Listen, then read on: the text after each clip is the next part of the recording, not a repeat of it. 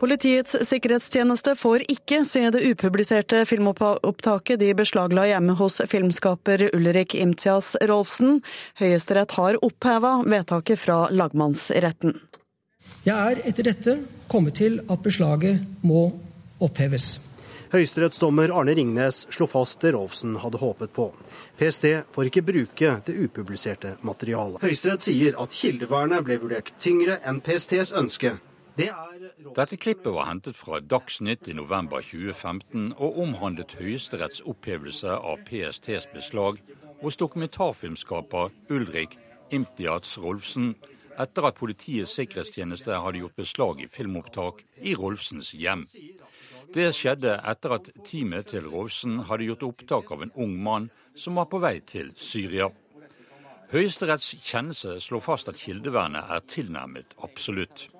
Men hvordan defineres kildevern?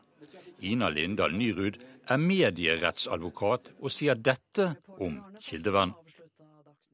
Ja, kildevernet anses jo eh, som selve grunnfjellet i eh, journalistisk yrkesetikk. For i Vær varsom-plakaten så oppstilles det et prinsipp om eh, et såkalt absolutt kildevern. Altså det vil si at den anonyme kilden aldri skal blåses. Men dette er et prinsipp som er i strid med lovreglene om kildevern. Og presseetikken er altså en form for sivil ulydighet. Vi har hatt lovregler om kildevern i Norge siden 1951. De trådte i kraft i 1952. Og de oppstiller det som kalles for en begrenset rett til kildevern. Altså det vil si at kildevern er den klare hovedregelen, med, eh, og at et krav fra domstolen om å avsløre den anonyme kildens identitet må begrunnes særskilt, og vilkårene er strenge. Men hvordan eh, harmonerer eh, de norske, eh, det norske lovverket når det gjelder dette, med f.eks. andre land vi kan sammenligne oss med? Slik den eh, svenske ordningen er, så eh, er det slik at eh, de har et såkalt meddelarskydd. Altså det vil si at med den ordningen så har journalister som hovedregel en taushetsplikt om anonyme kilders identitet. Altså i Sverige så er kildevernet en plikt. I Norge så er det bare en rett. Og den svenske ordningen inkluderer også et eh, såkalt etterforskningsforbud, som innebærer at verken domstolen eller andre offentlige myndigheter som hovedregel har rett til å foreta undersøkelser for å finne en anonym kilde. Og etterforskningsforbudet er straffesanksjonert. Er det noe som tyder på at eh, man vil få et slikt lovverk også i Norge? Dette jobber jo presseorganisasjonene og Norsk Journalistlag eh, i aller høyeste grad med å prøve å, å få gjennomslag for. Eh, vi får jo mye hjelp av Menneskerettsdomstolen i Strasbourg, som har lagt til grunn at kildevernet er en menneskerettighet den enkelte har til å ytre seg anonymt. Altså den anonymitetsretten Eh, kalles ofte for ytringsfrihetens eh, sikkerhetsventil, fordi eh, den skal gi borgerne mulighet til å si ifra og ytre seg i situasjoner hvor de ikke ønsker å tre frem med sin identitet i det offentlige rom. Så nå for tiden så sitter et såkalt lovutvalg, straffeprosesslovutvalget, og skal se nærmere på om vår norske fremtidige lov, altså lovgivning er altså gir et dekkende uttrykk for de krav som følger av eh, menneskerettighetene. Så her krysser vi fingre for at de den første, altså 1. november i år eh, eventuelt kommer med forslag som kan bedre kildevernet. For Det er vel eh, mye som tyder på at eh, kildevernet står overfor ganske store utfordringer, ikke minst pga. utviklingen innen teknologi? Helt klart. Eh, det vi ser er jo at fordi at Norge må følge, følge menneskerettighetene, så, så, har det på mange måter blitt slik at reglene om kildevernet er blitt styrket på enkelte områder. Altså Vi har høyesterettspraksis, f.eks. en, en høyesterettsavgjørelse fra 2004, som langt på vei sier at, at kildevernet er absolutt, så lenge de opplysningene kildene har gitt er av samfunnsmessig betydning. Men likevel så er altså vår erfaring dessverre at, at kildevernet er under press. Og det er vel fordi at vi har fått eh, nye problemstillinger eh, rundt kildevernet som er langt mer komplekse og uoversiktlige enn det problemstillingene var da vi fikk kildevernreglene på 50-tallet. Den gang, så historisk, så var det slik at, at spørsmålene dreide seg om journalister skulle ha vitneplikt uh, for domstolen. Og, og, og, altså avsløre identiteten til den anonyme kilden. De siste årene så har ny lovgivning derimot dreid seg om å gi politiet nye etterforskningsmetoder i kampen mot terror. Og politiet trenger naturligvis gode fremgangsmåter for å avverge så alvorlig kriminalitet, men de må ikke gå på bekostning av kildevernet som en menneskerettighet. Og det vi ser, er jo at lovgiverne på Stortinget har gitt, altså ikke har gitt tilstrekkelige begrensninger av hensyn til kildevernet når politiet nå har fått nye regler om bruk av skjulte tvangsmidler. Eh, har man noen eksempler på, på saker hvor eh, det viser seg at det har foregått nærmest ulovlig overvåking av, av journalister? Ja, altså Det er faktisk slik at i alle de kildevernsakene jeg kjenner fra nyere tid, så foreligger det prosessuelle feil i måten politiet har gått frem på i samtlige saker. I tillegg så har vi også eksempler fra Forsvaret om ulovlig eh, overvåking. Hvis vi tar eh, det siste først, så er det altså slik at for noen år tilbake så bekreftet EOS-utvalget eh, e at Etterretningsbataljonen i Forsvaret ulovlig hadde kartlagt eh, tre journalister. Eh, og de tre journalistene de havnet altså i samme database som bl.a. Osama bin, bin Laden. Og det var kun på bakgrunn av at de hadde drevet journalistisk virksomhet om de norske hemmelige tjenestene og norsk krigføring i utlandet. Og journalistene selv mener at uh, denne ulovlige kartleggingen avslørte deres anonyme kilder. Og fra politiets side så kan jeg jo kort nevne eh, bare, bare, noen få saker. Vi har altså Eh, prosessuelle feil som skjedde både ved norsk og belgisk politis ransaking og beslag i Viksvenn-saken, som ble behandlet av Høyesterett i 2000. Politiets ransaking av eh, Radio Orakel i 2007. Politiets ransaking og beslag av en dagbladjournalist i sikkerhetskontrollen i Oslo tingrett, som ble behandlet av Sivilombudsmannen i 2011. Hordaland politidistrikts forsøk i 2012 på ransaking hjemme hos en journalist og i redaksjonslokalene til avisen Hordaland. Og nå sist, ikke minst, i dokumentarfilmskaper Rolfsen-saken. Sa medierettsadvokat Ina Lindahl Nyrud. Marius Karlsen er konseptutvikler i Polaris Media. Han mener kildevernet per i dag er en illusjon, og at journalister og redaktører gir blaffen. Ja, men Det er viktig å forstå at det her ikke, det er ikke aktiv handling fra mediebransjen. Det er ingen som har sagt at uh, kom igjen, nå gir vi kollektivt blaffen i kildevernet. Uh, det som skjer, det er at vi, vi, jobber på akkurat samme måte som uh, før, selv om at verden rundt oss forandrer seg. Og Det er jo litt sånn symptomatisk med mediebransjen og egentlig alle andre bransjer at vi ikke endrer oss sammen med verden, og så må vi plutselig i gang med, med sånn omstillingsprosesser og endre oss. Og For å greie å å, å, sikre kildevernet, så må vi ikke bare si det, sånn som vi kunne si før, at ja, du som kilde kan være helt trygg på at du skal bevare din anonymitet. Vi er faktisk gjør, nødt til å gjøre aktive handlinger. Og det at vi ikke gjør de aktive handlingene i stor nok grad, det er jo ikke helt helsvart, det kan vi komme tilbake til.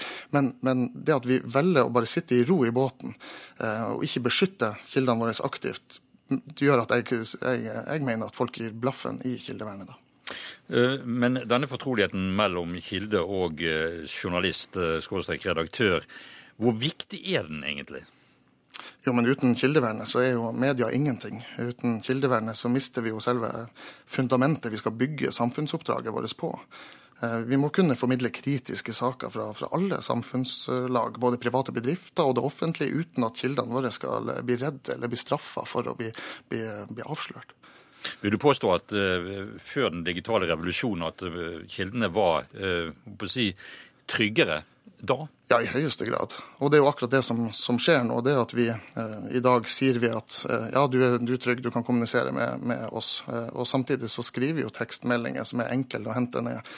Eh, vi skriver ukrypterte e-poster. Vi søker opp navn i, i, nettleseren vår. Så eh, alle de digitale sporene de må vi altså ta forhåndsregler nå for å i større grad skjule. Vi må rett og slett jobbe på en annen måte som journalister. Eh, det vil si at man bør ta noen forholdsregler. Og hva vil du da dele med oss eh, for å gjøre hverdagen tryggere? Nei, men altså, det, Vi ser jo at det, det er jo en, en, del, sånn som NRK, vært kjempeflink. Eh, innført eh, secure job, eh, begynt å ha opplæring på journalistene sine. Eh, vi ser Skipsstedavisene, noen av de store aktørene, de er allerede i gang. Adresseavisen f.eks.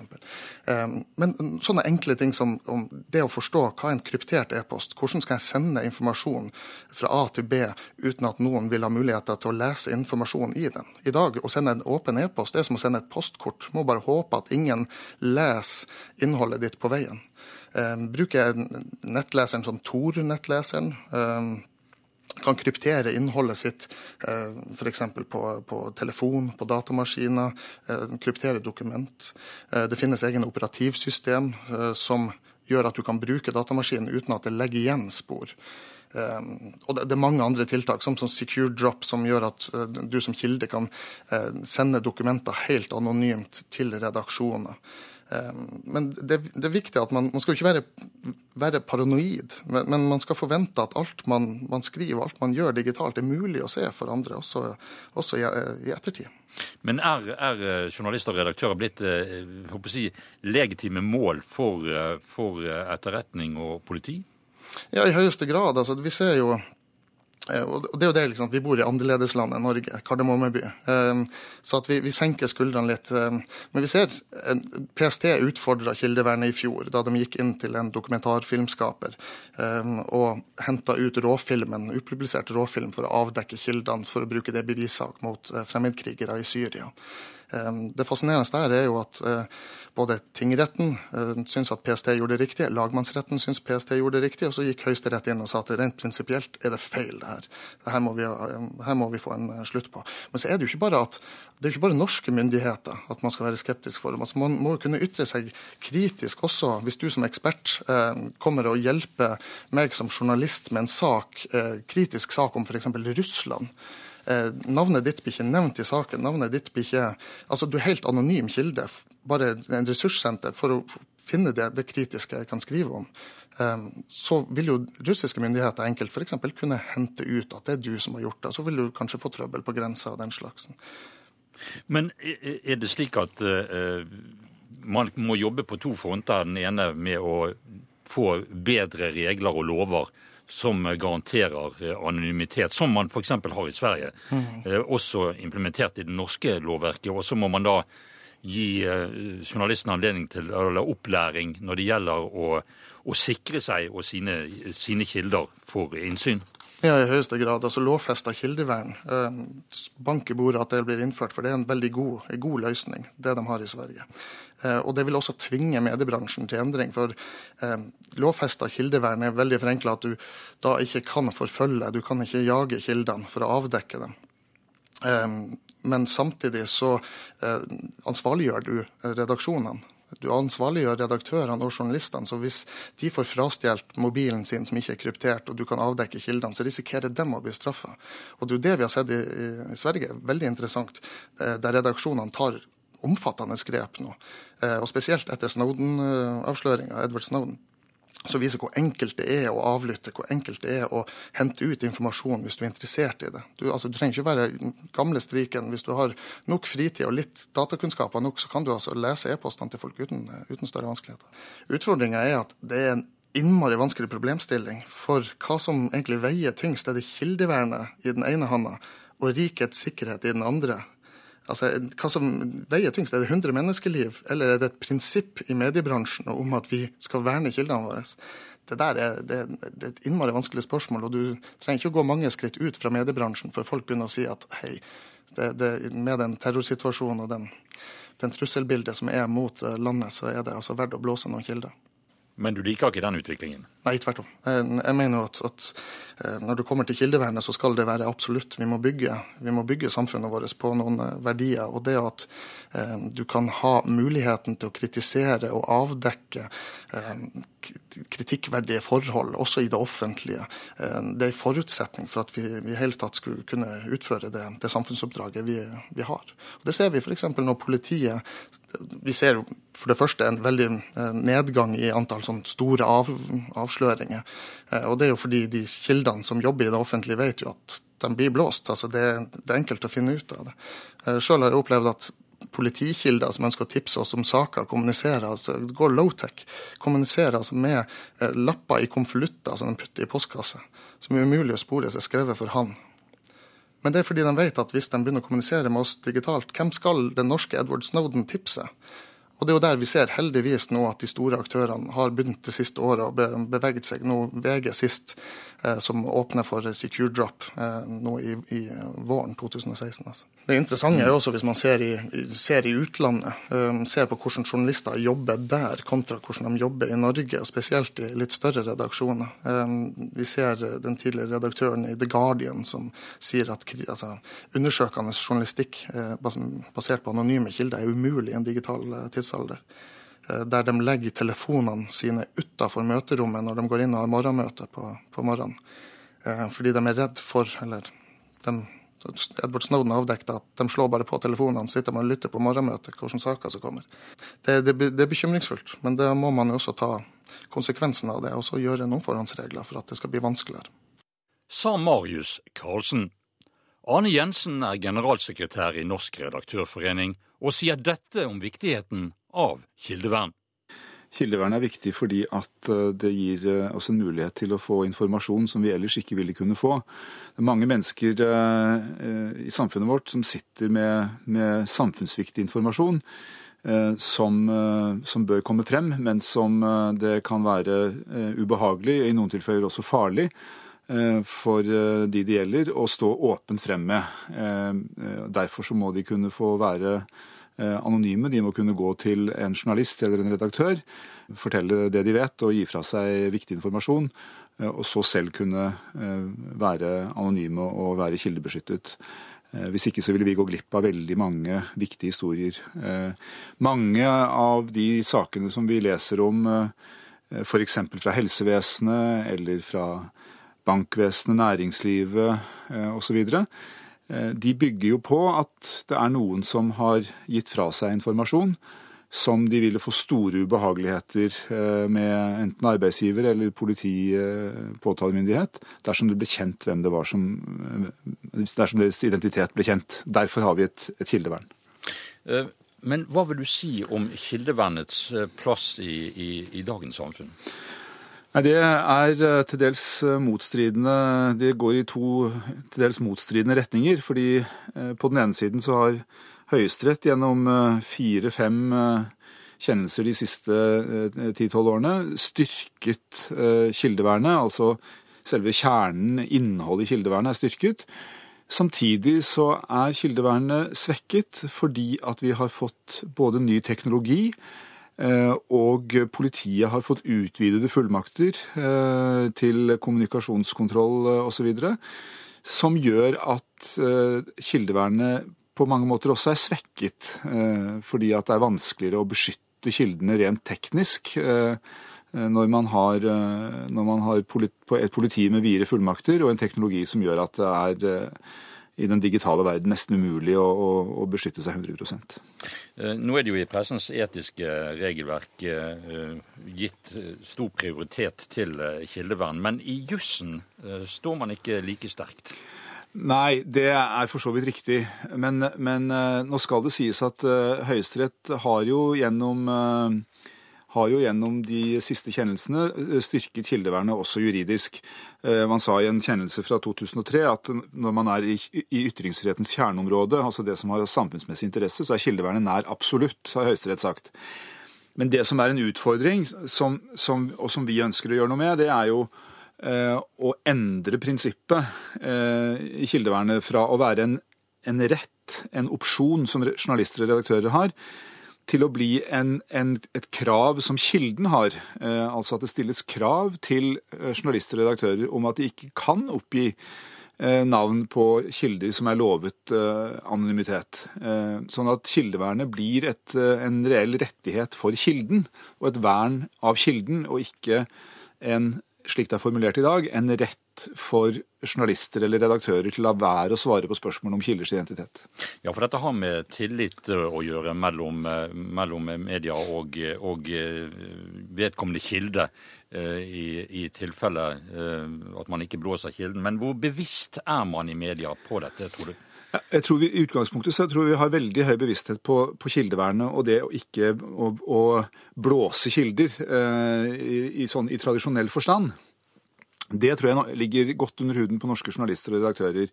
Eh, for vi har jo en etisk forpliktelse på oss eh, som, som, er selvpålagt, som sier at vi ikke skal eh, røpe navn på kilder som er lovet anonymitet. Men også der så er det jo sånn at den tekniske utviklingen innhenter oss. Fordi det nytter ikke å, å, å, å bare tie stille hvis du har lagt igjen en masse elektroniske spor som forteller, som forteller hvilke kilder du har vært i kontakt med, og når du har vært i kontakt med dem. Og I dag så er jo mye av den kommunikasjonen vi har, er, er enkel å, å, trenge inn i og, og, og hente ut informasjon fra for de som er teknisk eh, dyktige. Eh, og Det gjelder både e-post og telefon og andre digitale eh, kommunikasjonsformer. Er dette vernet av kilden en vesentlig del av vårt demokrati? Føler du? Ja, absolutt. Og det er jo anerkjent i, i, i, alle, i alle, internasjonale rettsinstanser. Så er jo kildevernet anerkjent som et helt grunnleggende prinsipp i et demokrati. Fordi hvis vi ikke hadde et kildevern, så er det så mange historier som ikke ville eh, blitt fortalt, og så mye vesentlig informasjon som ikke ville kommet frem, at det ville vært et stort tap for oss eh, som, som allmennhet og som samfunn. Men det er vanskelig, det er vanskelig Dette er et litt vanskelig landskap, fordi at argumentene andre veien handler jo hele tiden om, om, om terrorfare osv. Og da er det lett for at man lar seg rive med og tenke som så at vi må gjøre alt vi kan for at vi skal unngå terroraksjoner.